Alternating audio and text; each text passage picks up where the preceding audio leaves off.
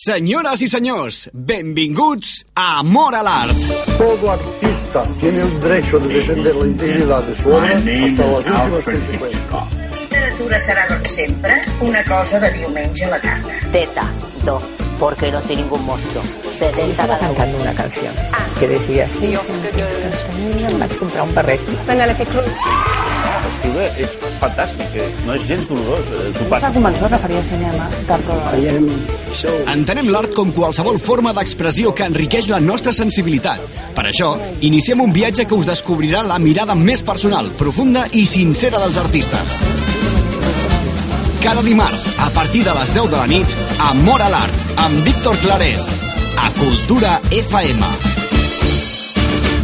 Queridos oyentes, el espectáculo está a punto de comenzar. Por favor, apaguen sus teléfonos móviles. Gracias.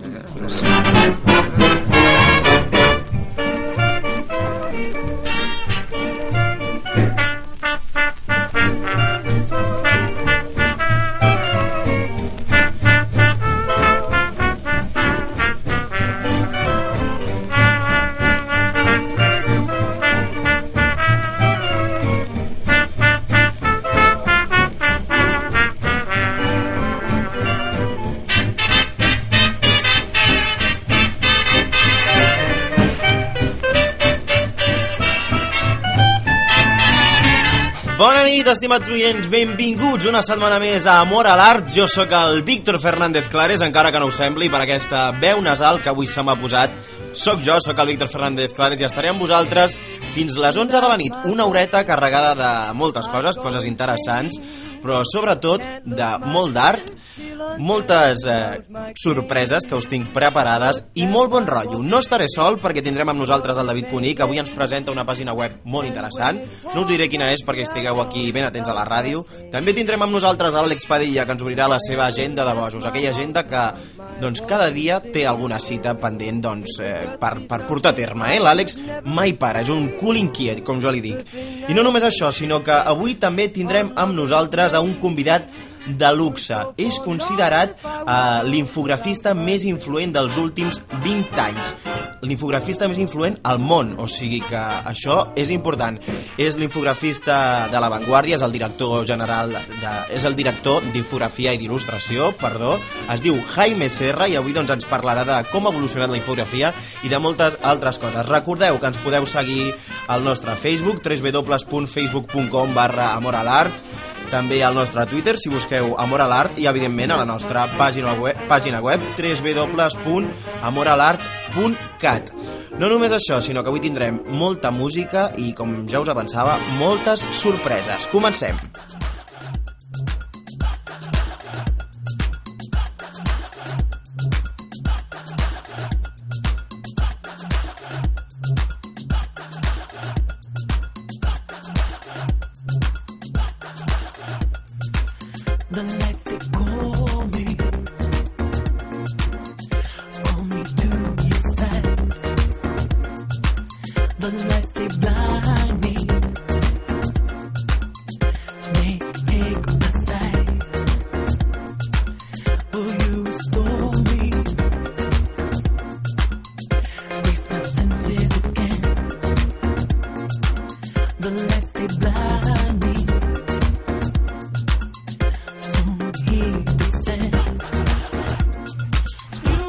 Comencem repassant algunes notícies culturals que, culturals que han marcat l'actualitat del dia. El retaule de Sant Jordi retorna a Catalunya. La peça es podrà veure al MNAC, al Museu Nacional d'Art de Catalunya, a la mostra Catalunya 1400, el gòtic internacional. 100 anys després que l'ha comprès al Museu del Louvre.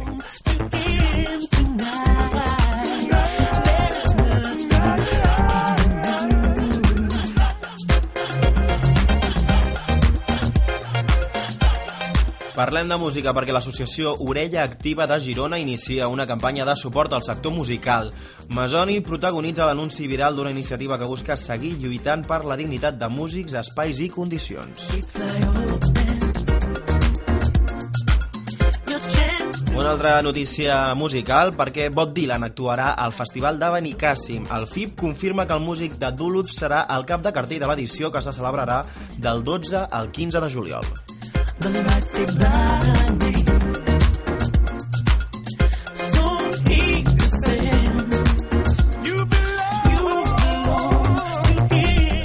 director de la Fira Mediterrània vol que els artistes contemporanis catalans dialoguin amb les arrels. David Ibáñez pretén situar el certamen com un punt de trobada del sector cultural i les seves diferents disciplines.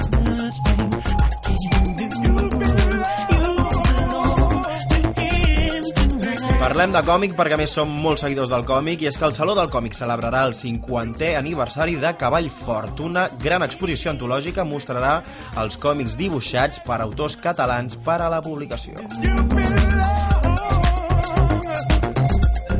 I acabem amb una última notícia d'art. Dalí, Picasso, Miró i Tàpies ompliran la sala de Vilanova. La mostra Concept, amb més d'un centenar d'obres de totes les disciplines artístiques, ocuparà els espais del Centre d'Art Contemporani de la capital del Garraf.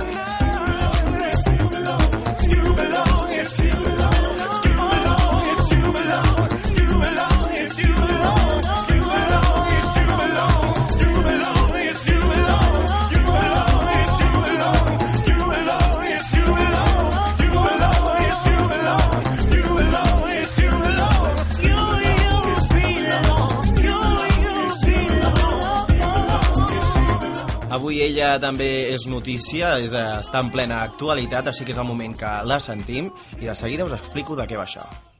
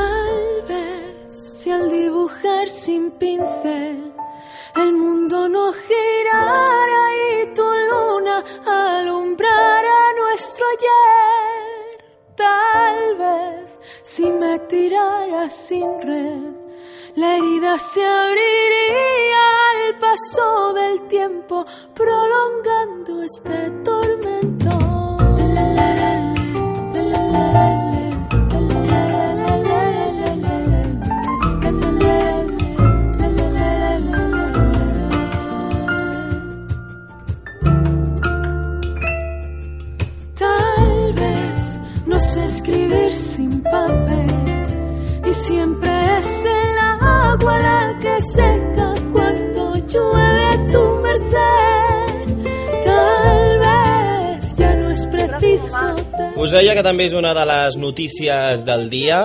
Es diu Helena Gadel i la tenim a l'altra banda del fil al telèfon. Helena, molt bona nit. Hola, què tal, com estem? Molt bé, escolta, eh, deia que ets notícia, però això és veritat. Aquesta cançó potser a molta gent li sona, però sí. ara sona una mica de manera diferent, eh? Abans nosaltres ja sabíem que era això de tocar en fusta, però de madera què és? Aviam, explica'ns.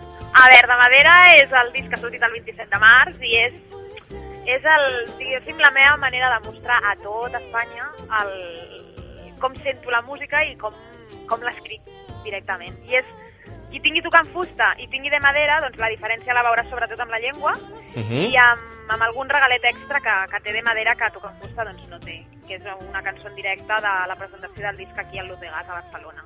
Mhm, Que la cançó és Nostàlgies, potser? Sí, Mhm. Nostàlgies, exacte. Com- com ha estat Bolero aquest- preciós. Aquest procés de, doncs, eh, una mica reconvertir el disc del català al castellà, perquè suposo que també la, la traducció no ha estat literal, absolutament. No, no, es va fer bastant a la vegada, eh? O sigui, aquest Mhm. disc en castellà es va crear de manera, ja et dic, de, de la vegada. I hi ha unes cançons que van néixer en castellà i les vam adaptar al català i altres que al revés, depèn. Mhm. I la veritat és que sembla que només canvi la llengua, però quan ho escoltes sembla que canvin més coses. No sé, el fet de cantar en català les cançons els hi donava com un aire mm, diferent al que, al que tenen amb, amb el castellà. Mhm. I, I no sé, a mi la veritat és que m'agraden de les dues maneres. Però clar, la gent de, jo que sé, d'Andalusia o gent de Mèxic, no? És que no lo entiendo. Doncs mira, ara jo crec que sí, ho entenen tots. T'han anat seguint encara que no ho entenguessin, perquè hi ha molta gent que ha escoltat el disc en català, però hi ha algun lloc així que diguis, ostres, ostres doncs aquí tinc ganes d'anar a presentar aquest disc, per Tinc exemple. moltes ganes d'anar a Andalusia. Mhm. Clar, Andalusia és la... Ja qui escolti tocant fusta veurà que Andalusia tira molt a, la, a mi, no? Clar. I tinc ganes de, de presentar-ho allà. Tinc moltíssimes ganes d'anar a Granada, d'anar a Sevilla, d'anar a Màlaga... perquè ma mare és allà, de Granada, i, i les meves arrels em tiren molt cap allà també, no? Doncs, Helena, recordem, avui 27 de març eh, s'ha presentat De Madera, ja la gent el pot trobar a les eh, les botigues de botigues. discos. Sí. Moltes gràcies, una abraçada molt forta, gràcies per atendre'ns i molta sort. Un petonet i gràcies. Adéu-siau. Sin preguntar y el reloj acepta el ritmo que va. Ah, ah. Lo que podría ser ya no lo será.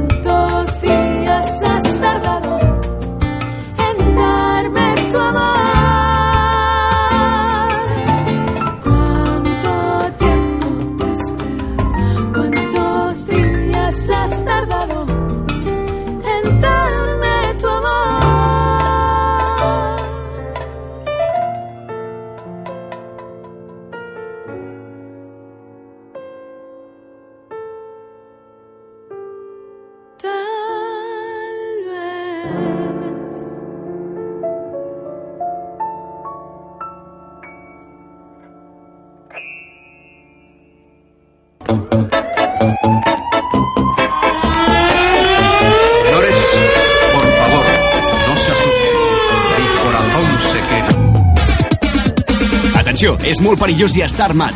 No s'hi acostin. Porta un iPhone, un iPad, un Mac i té un munt d'aliats a Twitter i a Facebook. És l'expert en noves tecnologies i art experimentat. Es diu David Cuní i això és Inclassificats.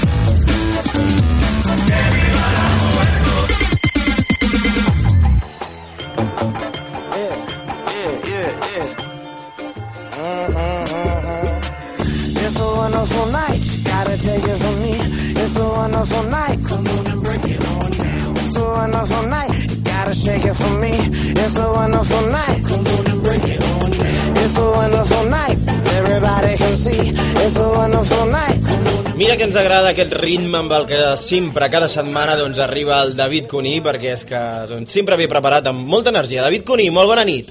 Molt bona nit, Víctor. Com estàs? Pues molt bé, molt bé, molta energia, com dius tu. I, i, i mira, jo també m'he quedat avui amb la careta del, de, de, la, bueno, de la meva secció Sí. i, i, i, i amb la frase tan maca aquesta d'art experimental i noves tecnologies. Ai, I és que- això sona tan bé, oi? Eh, m'encanta, m'encanta, la Bastria també. Però és que me la comento avui perquè us porto un, bueno, un tema que, que justament pues, fa com una mica de d'un sembrat de, de, amb dues coses, eh? Ahà, doncs aviam, jo tinc moltes ganes ja de descobrir què és. Aviam, explica'm. Doncs mira, avui em centraré en una proposta web molt interessant, que és un eh, magazín digital de, de bueno, d'això, de tendències, d'art experimental i de, bueno, d'una mica de tot això, el, aquestes petites motivacions que a tots ens agraden, no? Mhm. I és Freshland, no sé si ho coneixeu, tu ho coneixies, Víctor? Jo sí, sí, el seguia, el seguia aquest. Sí, no? Tu ja eres seguidor d'ells. Pues sí, és, és Fresh, la, Freshland Mag de, de magazine.com i aquí trobareu una espècie, bueno, és una espècie de blog, així, amb diferents seccions, i que parla una mica de diferents temes. Eh, bàsicament té unes seccions de- d'esdeveniments, de, unes d'art, una de música, cultura, disseny, estil i, i blogs. I a partir de, bueno, d'aquestes seccions eh, bueno, estructura una mica tot de temes relacionats amb això, amb, bueno, amb aquests temes culturals, però sempre des d'un punt de vista molt... O sigui, fora de lo comercial, saps? No, no trobarem els típics grups comercials ni, ni les típiques eh, directors de cine comercials. O sigui, té un punt molt underground, podríem dir. Uh -huh. Una mica con bé, contracultural, saps? no? Exacte, contracultural, però, però sempre partint d'un rigor estètic i d'una qualitat, evidentment. Uh -huh. I, i bueno, a mi m'ha agradat perquè jo realment no la, no la coneixia, l'he descobert avui, em seré sincer, me l'has descobert tu, Víctor. però, però realment, no, t'ho juro que m'ha agradat molt i, i ojeando una mica el magazine pues, he trobat coses molt interessants com, bueno, primer de tot la, la forma d'estructurar les notícies, perquè m'ha agradat perquè és molt visual, saps? És molt fresca, molt, amb un disseny molt interessant. O Entra ràpidament per la vista, no? Exacte, i li dona molta potencial a l'imatge, algo molt important avui en dia perquè sabem que els textos són importants i de fet eh, tots els textos que acompanyen totes les entrades d'aquest blog m'han semblat molt correctes i, i explicats amb molta gràcia, però li donen molt de pes a la imatge, saps? I, i m'ha agradat una cosa, per exemple, tu entres en un post i et trobes un, la visualització d'un vídeo, que saps que normalment són molt petits, saps? I, Sí. i tu després cliques o entres a Vimeo, YouTube, i se t'amplia això. Però aquí no, ells aposten per fer ja les visualitzacions ben grans, saps? Vull dir que t'ho copin quasi la pantalla completa del, del navegador. I això em sembla molt bueno, sintomàtic de la, de, de, de la tendència que volen agafar a Freshland, que és de, sobretot, potenciar el producte, saps? Vull dir, no fer-se gala d'ells mateixos, sinó de, de lo que estem parlant. O sigui, estem parlant de, pues, jo què sé, d'un fotògraf, doncs anem a ficar les imatges ben grans.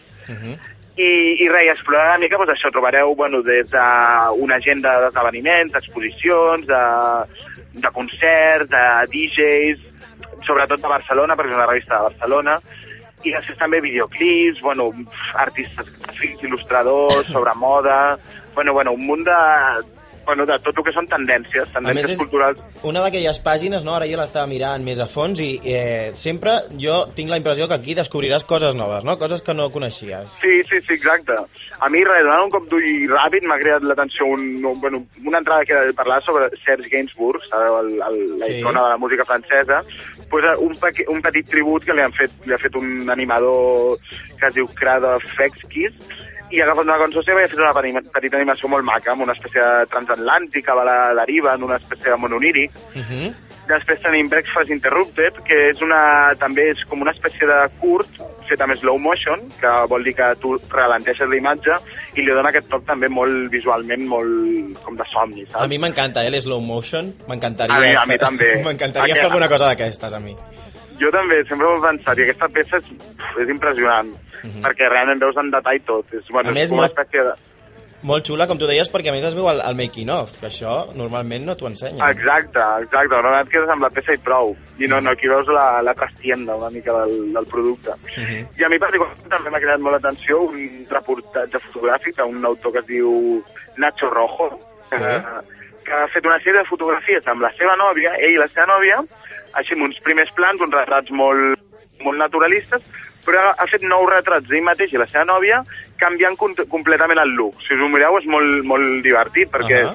completament i, i et fa reflexionar de realment si les apanyen, saps? Perquè, o sigui, ell mateix sembla una pareja típica de amo a Laura, super Sí. conservadora i pija, una parella de yanquis i, i són la mateixa tipus de pla i, i ells mateixos però canviant completament el, bueno, el que és el, el maquillatge, el vestuari i amb això i, i, i el retoc fotogràfic i amb això aconsegueix bueno, crear diferents classes socials i tipus de parelles. Que curiós, ara ho estava mirant. Mira, aquesta no la- no l'havia vist, sí, molt, molt curiosa, eh? És molt curiosa. Fotos. I, bueno, i aquí al Freshland trobareu aquest tipus de continguts, pues, molt, molt novedosos. Es va actualitzant bastant la, la web, vull dir que és molt, molt interessant per estar al dia. I també els podeu seguir a Facebook, a Twitter, i em sembla que tenien canal de Vimeo o alguna cosa així. Uh -huh. Doncs David, eh, moltes gràcies per apropar-nos una mica doncs, a aquesta pàgina web, freshlandma freshlandmag.com Punt .com, exacte, Mac amb la G final, eh? de maga magazine, no? De magazine, exacte. David, molt bona nit, una abraçada molt forta i fins la setmana vinent. Molt bé, Víctor. Adéu-siau. Que vagi bé, adéu.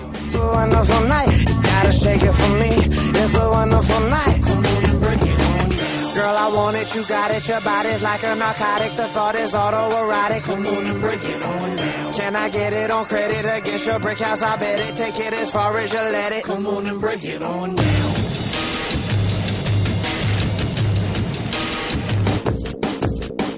Let the spot'll get hot. That it's ready to pop. Don't even look at the clock. All of your problems forgotten. It's time to rock till you drop.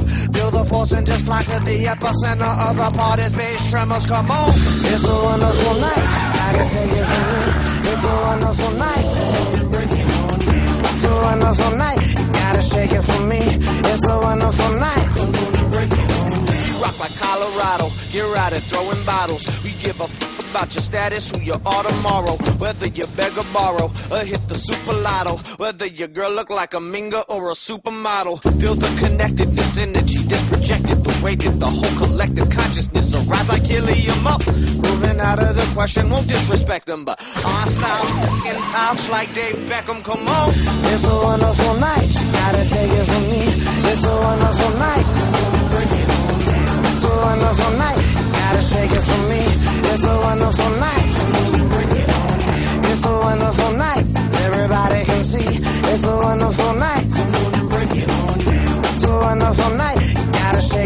Aquí la primera part del programa. Tornarem dintre de res, pocs minuts, aquí a Cultura FM amb Amor a l'Art. Estigueu ben atents.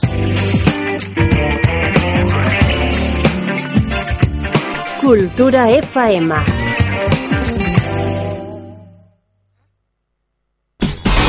Descobreix Màlaga i la Costa del Sol des de l'aeroport del Prat amb Ryanair. L'única aerolínia de tarifes baixes et convida a passar un càlid hivern al sud d'Andalusia. El famós duende andalús, excel·lent gastronomia, extraordinari patrimoni històric i una increïble vida nocturna t'esperen a Màlaga i la Costa del Sol aquest hivern. A més, a partir de l'1 de desembre, Ryanair ha començat a operar la tan esperada ruta amb Londres Stansted. La City londinenca està més a prop que mai amb Ryanair. Guants. gasa, Gasa. bisturí. Bisturí? Bisturí? En molts països, milers de persones no reben l'assistència mèdica que necessiten. Fes-te soci de Metges Sense Fronteres. Truca al 902 15 15 07 o entra a msf.es i aconseguiràs que la teva ajuda arribi a qui més la necessita, sigui on sigui. Metges Sense Fronteres. 902 15 15 07 Tens ganes de neu, sol, esquí i molta, molta diversió?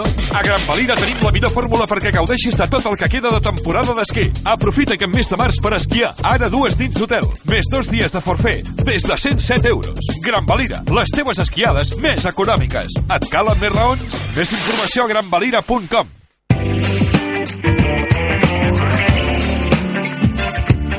Cultura FM. Estàs escoltant Amor a l'Art amb Víctor Clarés a Cultura FM.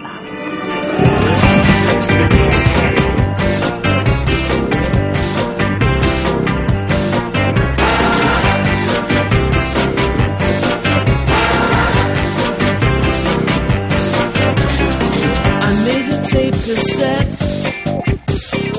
with my favorite songs. You can play it in your car while you're driving home. I wonder if you like it. I wonder what you think. Play it in your bedroom while you dress up in pink.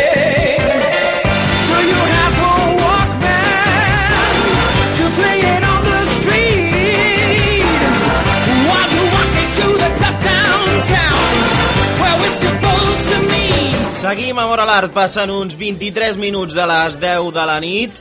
Gràcies per estar amb nosaltres. Us recordem que ens podreu anar seguint al Twitter si busqueu Amor a l'Art, també al Facebook, www.facebook.com barra Amor a l'Art i també a la nostra pàgina web www.amoralart.cat A més, no us, no us la perdeu aquesta setmana perquè hem descobert una mica doncs, aquella excèntrica escriptora, la Melino Tom, que doncs, ha visitat Barcelona i ha causat una revolució. Ara parlava amb l'Àlex Padilla, estarà amb nosaltres dintre d'uns minuts, té una agenda plena de coses, o sigui que si no sabeu què fer aquesta setmana, el que queda de setmana i el cap de setmana, ella ens eh, donarà algunes pistes, però ara és el moment d'escoltar l'entrevista. She wasn't dressed in pink. She didn't have a car that night when we were supposed to meet.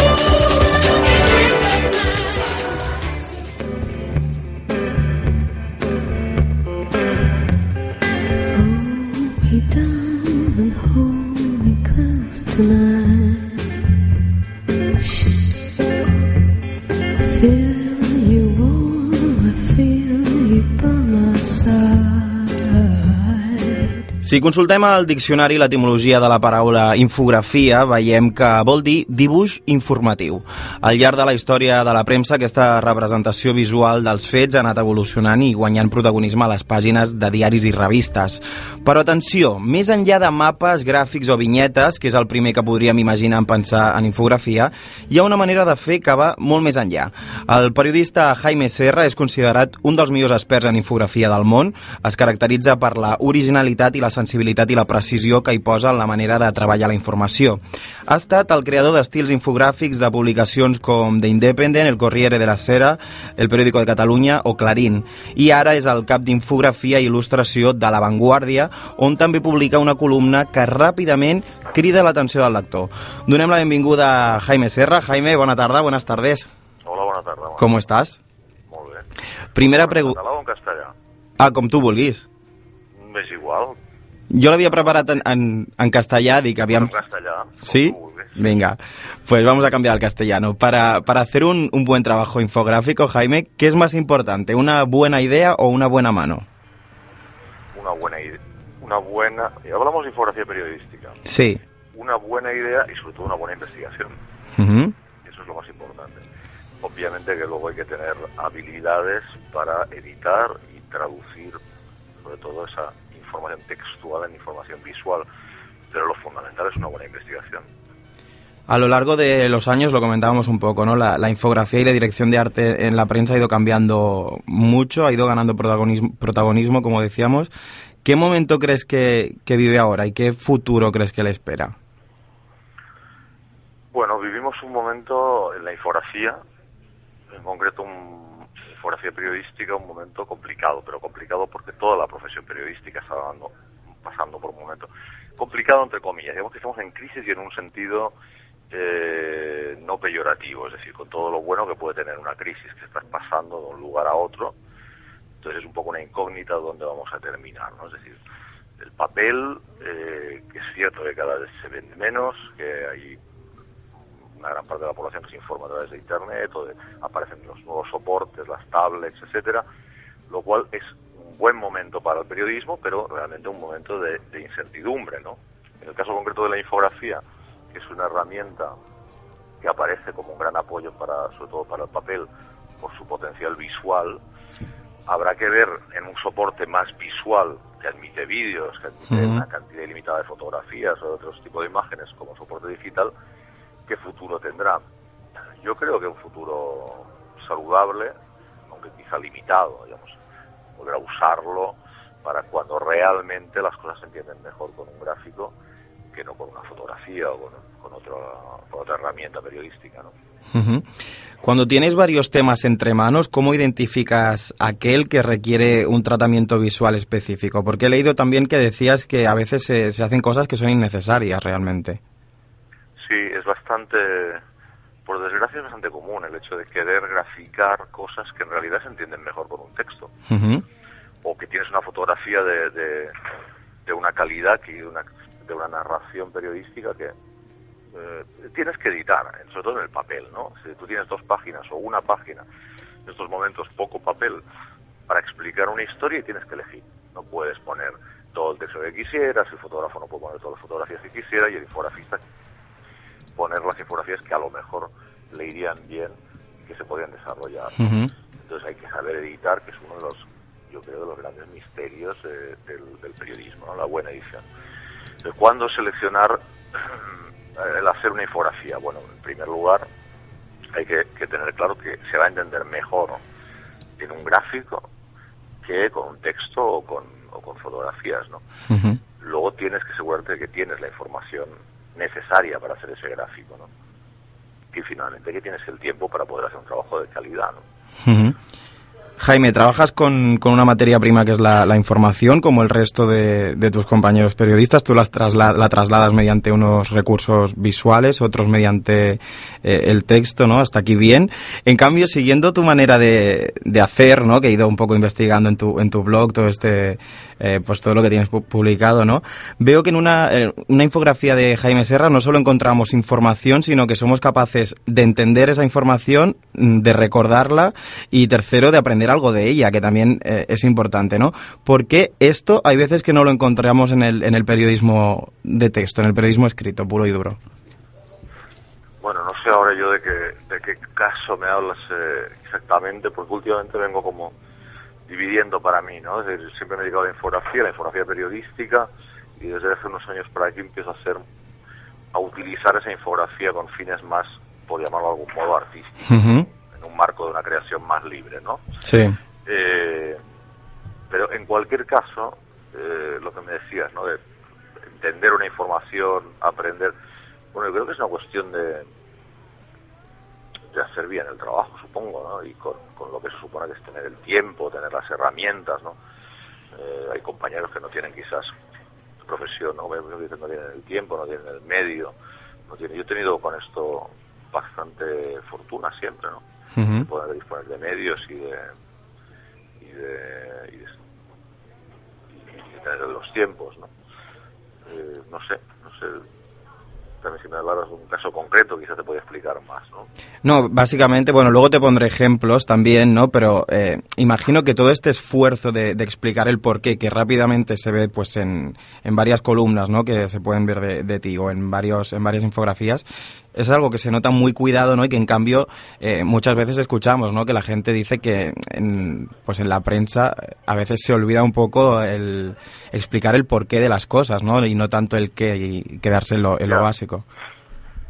bueno la- las columnas eh, la columna que los domingos realmente tiene bastantes aristas no de las que podíamos hablar porque para empezar normalmente ni tan siquiera toca temas que están dentro de la agenda periodística no esta es una y además es una decisión no en una columna donde vamos a hablar de temáticas que todos que a todos nos afectan de alguna manera pero que no están dentro de la agenda periodística y además eh, tratarlas desde un lugar de primera persona que es algo absolutamente extraño incluso desaconsejado en periodismo ¿no? pero yo creo que es una, un buen lugar desde el que hablar ¿no?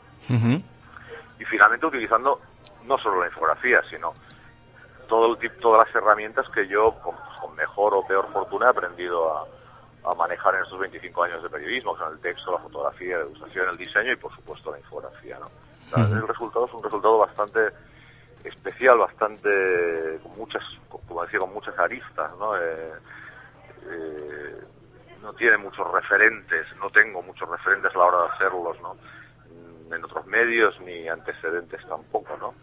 Y es verdad que explica fenómenos, aunque también la voluntad que tiene es hacer que el lector se cuestione, ¿no? Y que finalmente eh, se pregunte y decida al mismo cuál es su opinión sobre una temática, ¿no? Es una columna que dé respuestas. En ese sentido yo, como lector, quizás estoy un poco cansado ¿no? de las opiniones demasiado masticadas, ¿no? Casi preferiría las opiniones que me hagan reflexionar y llegar yo mismo a mis conclusiones. Que te hagan más preguntas que no respuestas, ¿no? Quizás. Creo que es más interesante hacer una buena pregunta que una buena respuesta, sí. Si no me equivoco, creo que eres un apasionado del arte.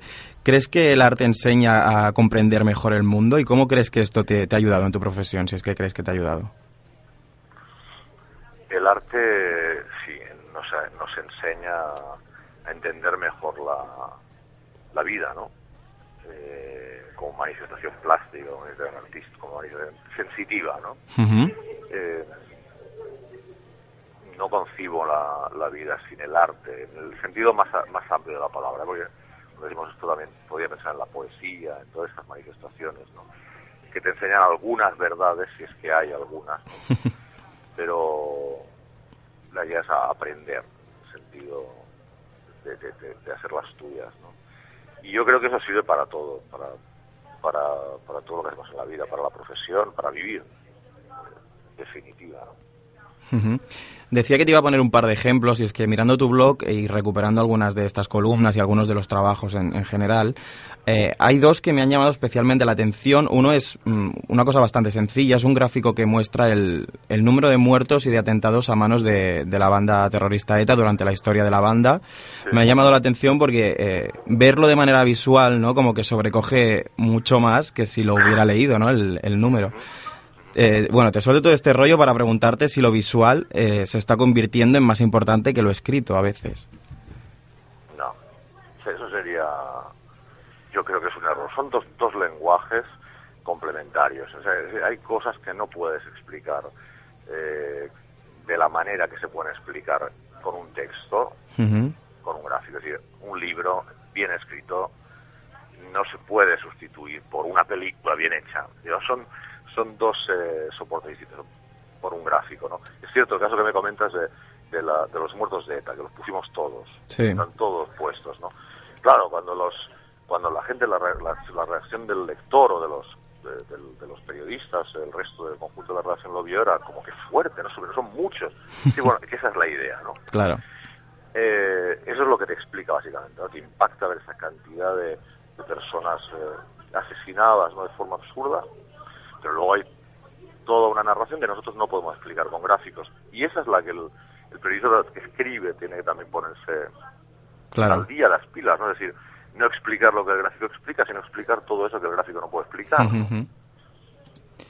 El otro ejemplo me gustaría que lo explicaras tú, supongo que lo recordarás, pero para que la gente se haga una idea de, de tu manera de trabajar, me gustaría que tú lo explicaras. Se llamaba Pinta y colorea y, descu- y descubre los distintos tipos de mutilación genital femenina.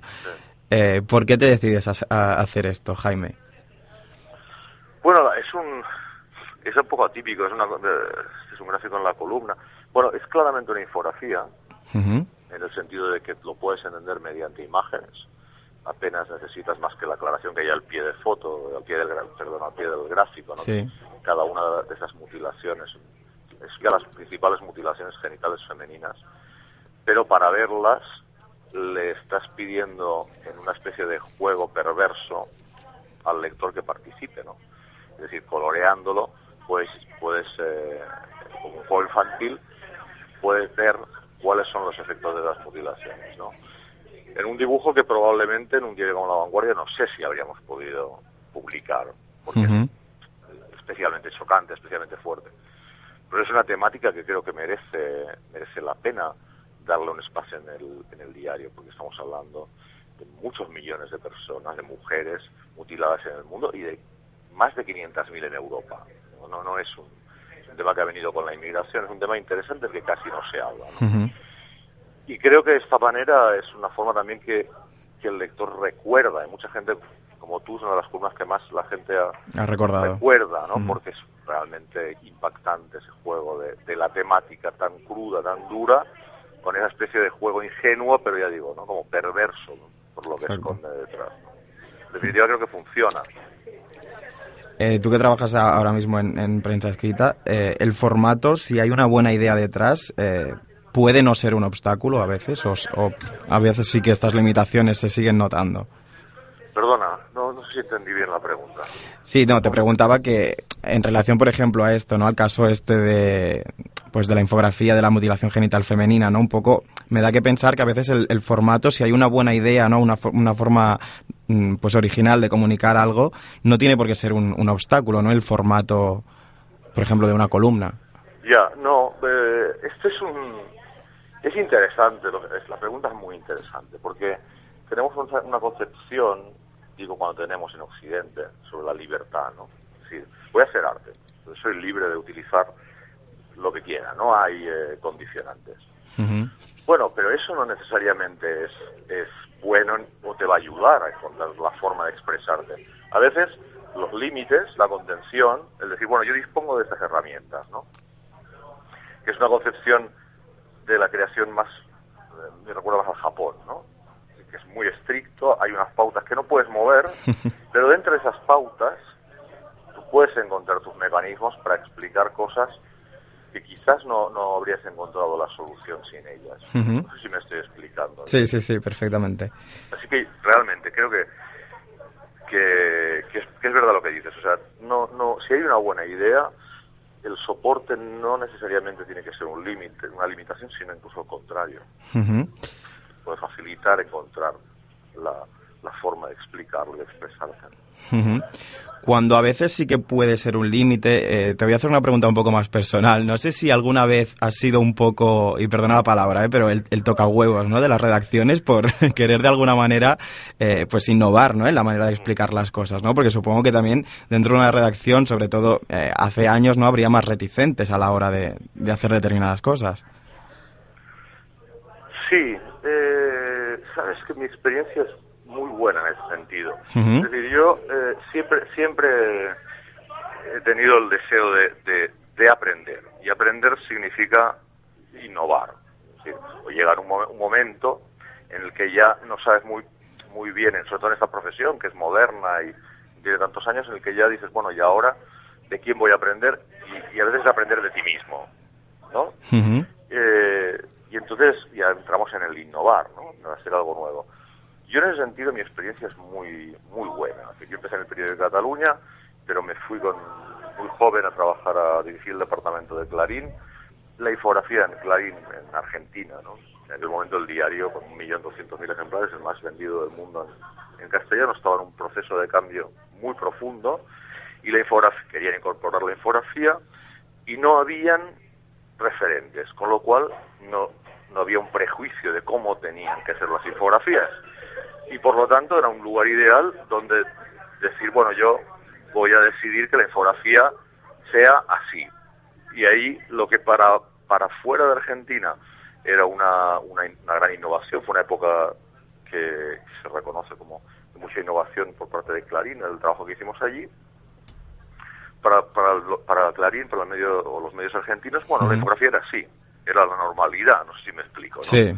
Eh, así que no, no tuve ninguna reticencia por parte de, de- ni de los compañeros de profesión, ni la dirección de la empresa, al contrario, todo el apoyo. Quizás también eso, de- esa, esa fortuna en encontrar un buen resultado, luego me ha ayudado, pues por ejemplo, que ahora en La Vanguardia pudiera disponer de un espacio como una columna cada domingo, que es un espacio muy importante, donde realmente puedo hacer eh, lo que desee, ¿no? En cuanto a temática y en cuanto a formato, ¿no?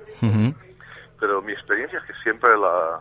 Si tienes una buena idea, encuentras el apoyo de, de la empresa en la que trabajas, de la dirección en la que trabajas. Yo creo que la gente que lleva los, los diarios es gente inteligente, que sabe reconocer las buenas ideas, ¿no?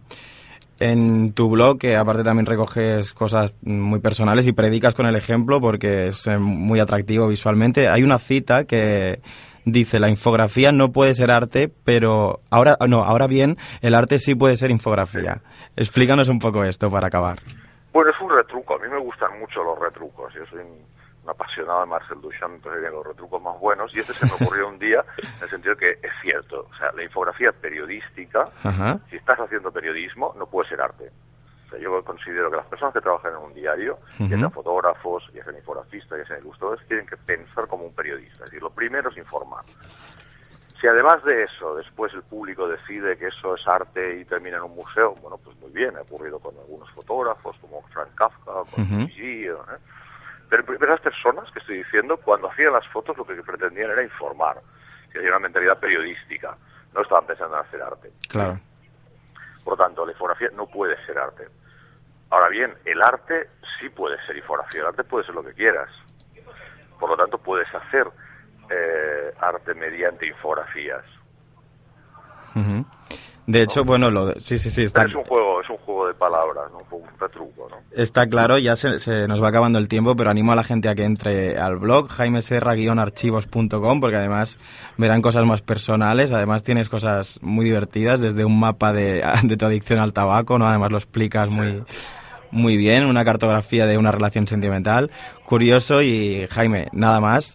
Muchas gracias por eh, este ratito que has compartido con nosotros. Un saludo y un abrazo. Muchas gracias a ti. Muchas gracias. Hasta luego. Hasta luego.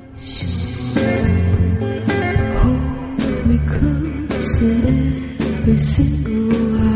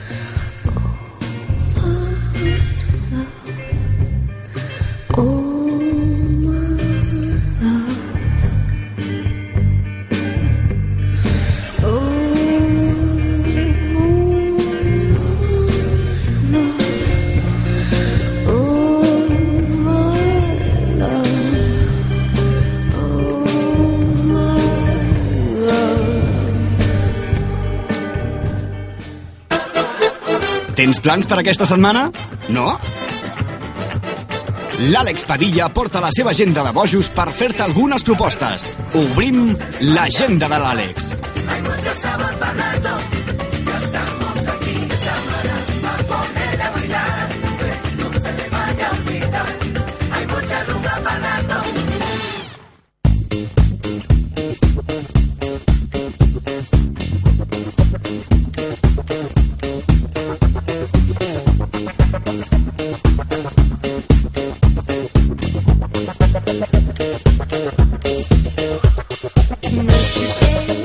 14 minutets perquè acabi el programa i l'Àlex Padilla, com cada setmana, doncs ens fa un foradet a la seva agenda, perquè a més ara imagino que està molt ocupat, però doncs sempre treu, treu temps per parlar de nosaltres. Àlex, molt bona nit. Hola, molt bona nit, Víctor. Com estàs? Do, molt bé, doncs estic aquí a 5 minuts perquè comenci el preestrena de Rec 3. Estic a l'Hospitalet de Llobregat i aquí a, a Gran Via 2. Sí. I nada, a punt de començar el preestrena a Rec 3 de la última, bueno, de la tercera, bueno, de la trilogía, bueno, es, son quatre pel·lícules, però bueno, ara, Ara la s'estrenarà tercera la tercera, això, i nada, que estic aquí esperant, així que, bueno, tinc 5 minutets per parlar-los, i, bueno, estic molt emocionat, estic, bueno, no sé si avui eh, podré aguantar-me, o sigui, perquè jo soc una mica, com se diu, o sigui, miedica. Sí. Tinc molta por, i no sé, la pel·lícula té molt bona crítica, eh, Rec eh, Genesis, Rec 3 Genesis, té molt bona crítica i crec que m'agradarà moltíssim. Ja es contaré, ja es contaré. Que bé, que bueno, bé. Jo tinc ganes també de veure-la, o sigui, com que la segona em va decebre una mica, aviam si aquesta, doncs, remunta. Sí, han, han- han dit que això, que la tercera part, bueno, que és en si la primera de totes, que és la millor. O sea, amb, eh, la segona va, no era tan tan bona, aquesta és millor que la segona. Així que bueno. Molt bé. Àlex, no Bueno. només això, sinó que tens ara moltes coses apuntades, o sigui que comencem per la primera, tinc moltes, que... moltes coses apuntades Vinga, i som-hi. bueno, perquè avui hem celebrat el Dia Internacional, el Dia Mundial del Teatre Uh -huh. i sí que m'agradaria fer una, un especial, una agenda especial, especial de teatre, Doncs dirigit a, a, als amants del teatre com jo. I jo sé que tu coneixes el Mac Lari, no? el Mac aquest famós aquí en Catalunya, no? Sí. Vale, doncs té un nou espectacle que és, eh, es diu Esplenda, Uh -huh. que estan al Teatre Condal, que és un muntatge dirigit per l'Àngel Jasser i que, bueno, diuen que és el, el muntatge més espectacular d'aquest mag, ¿vale? S'inspira és en el món imaginari de Michael Jackson, és com un tributo a Michael Jackson. És veritat Vale. que aquest home era molt, molt mitòman del Michael Jackson. El... Sí. Mhm. Pues bueno, eh, s'inspira això, en, la, en el món imaginari de Michael Jackson, en la seva música, en eh, el seu vestuari, en les coreografies, i eh, bueno, pues, eh, el preu és de 25 a 29 euros al Teatre Condal de Barcelona. Perfecte. Jo crec que és una bona aposta, eh? Jo la tinc pendent, aquesta, o sigui que ja ho sap la gent. Uh -huh. McLaren i el Després, Teatre Condal. també tenim... Eh, a mi eh, t'agrada- t'agradava el mètode Gronholm? M'encanta, m'encanta la pel·lícula, Vale, l'obra de teatre, tot. Tot, molt bé. Doncs tu saps qui és el, diri el director eh, del mètode Gronholm? Gronholm? Ara no sé si era el, el Bueno. Sergi Belbel, no, no ho sé. No, el Jordi Galceron. És veritat, el Jordi Galceran, sí. Galceron. Doncs aquest eh, ha fet un, un nou espectacle que és Burundanga. Uh -huh. Es diu Burundanga, que estan a la Via Roel, que m'encanta moltíssim aquest eh, teatre. I eh, bueno, eh, l'espectacle bueno, és una comèdia que té relació amb ETA, sí, sí, el, el terrorisme, eh, amb, i mescla um, amor, eh, terrorismo i, i això, i acaba con el fin de ETA. Ajá.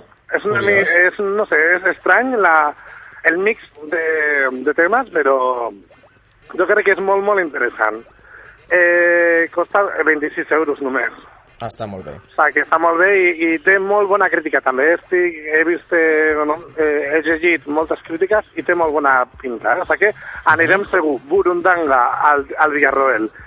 I Perfecte. després també tenim, bueno, no sé si t'agrada, jo crec que a ti sí, a mi bueno, no sé tant, però la zarzuela, t'agrada la zarzuela, Víctor? doncs, doncs mai he vist cap, però home, no no m'importaria, la veritat, per bueno, saps que, l'experiència. bueno, eh, fa dues setmanes o una setmana Top de Rock va acabar al Teatre Victòria Mhm. eh, eh, i ara tenim un nou espectacle eh, crec que dos o tres setmanes només eh? o sigui que tenim que tenim que Ens hem comprar d'af- d'afanyar, no? això Y es que, bueno, hay ya una antología de la zarzuela de Tamayo, eh, que es un homenaje a José Tamayo, que, bueno, pues, famo, eh, bueno, eh, muchísimas zarzuelas y que, bueno, que, cayó, que yo creo que es un espectáculo increíble. Yo tengo una amiga que está la vayan al espectáculo ¿Sí? y, bueno, ma, Marit que está, es una pasada y que, bueno, que sí que es una amiga car que costa o 42 euros o 28 euros, o sigui que està una mica... Mm, Mhm. pels ricachons, diguéssim, Però bueno, segur que sumareix la- l'ocasió. A més, hi ha Però molts, sí, molts seguidors eh, de la zarzuela, sobretot Sí, de, i de eh, Catalunya. m'han dit això, que hi ha moltíssima gent treballant davant d'aquest espectacle, mo- moltíssims músics, eh, bailadors, també, bueno, hi ha gent de la Coco Comín, de l'escola de Coco Comín, o sigui que hi ha qualitat i, eh, clar, la qualitat és paga, o Clar. sigui que... Però això són les meves tres propostes. Aquest últim, la de la zarzuela, eh, està al Teatre Victòria, eh? Val, perfecte. Doncs eh, ens ho apuntem. això, El, el nom com era, ho sabem? La antologia, de la zarzuela de Tamayo. Vale. Ui, que, que perquè ja, el Déu meu. creador o el homenatge... És Tamayo. És Tamayo, és José Tamayo. Molt bé, doncs tres cites importants, alguna més o amb això No, en, ja... principi, en principi aquestes, perquè bueno, tenim això, el- l'estrena de REC 3 també a, que, a, a Barcelona, que també està tota la ciutat amb pancartes de REC, Mhm. i, i això, la, el teatre, eh, avui protagonista de la meva agenda. Doncs Àlex, moltes gràcies. Eh, T'emplacem a que ens expliquis una mica doncs, què t'ha semblat això de REC 3, ara que doncs, estàs eh, Sí, ja a punt d'entreveure-la i que vagi molt bé i ens explicaràs què tal. Una abraçada. Vale, igualment. Adéu-siau. Adéu.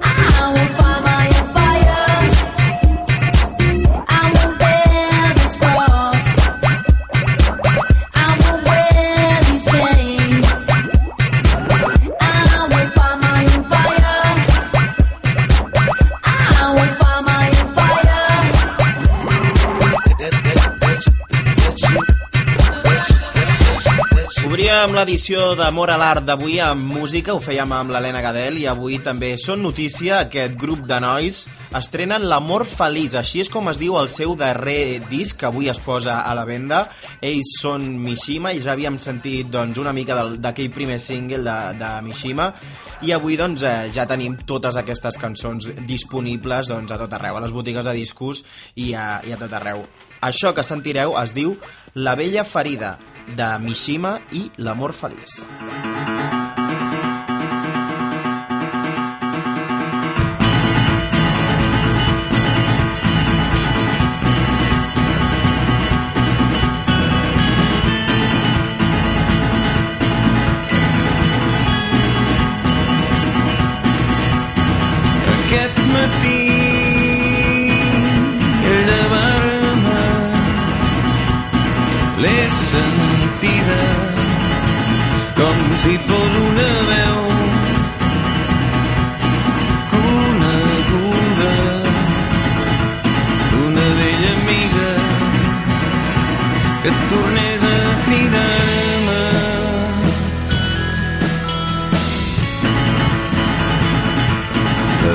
but either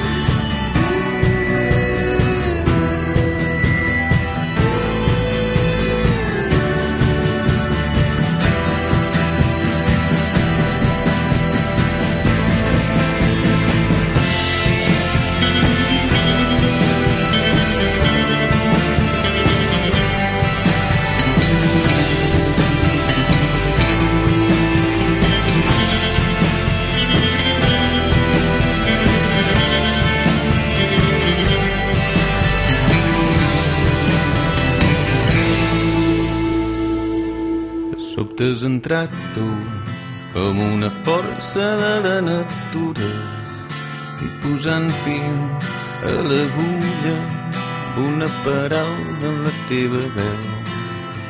Has cosit la boca roja que era oberta i ara els teus llavis la suturen.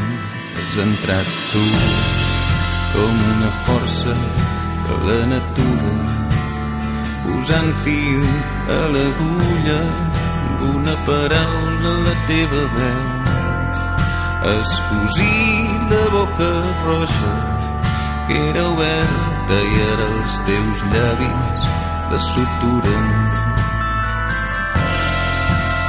Queden uns minutets perquè acabi el programa d'avui, queden uns, uns segons, no uns minuts. Moltes gràcies per haver-me acompanyat Una salutació molt forta de qui us ha parlat, del Víctor Fernández Clares. Fins la setmana vinent, recordeu, a Cultura FM, Amor a l'Art, a les 10 de la nit, dimarts.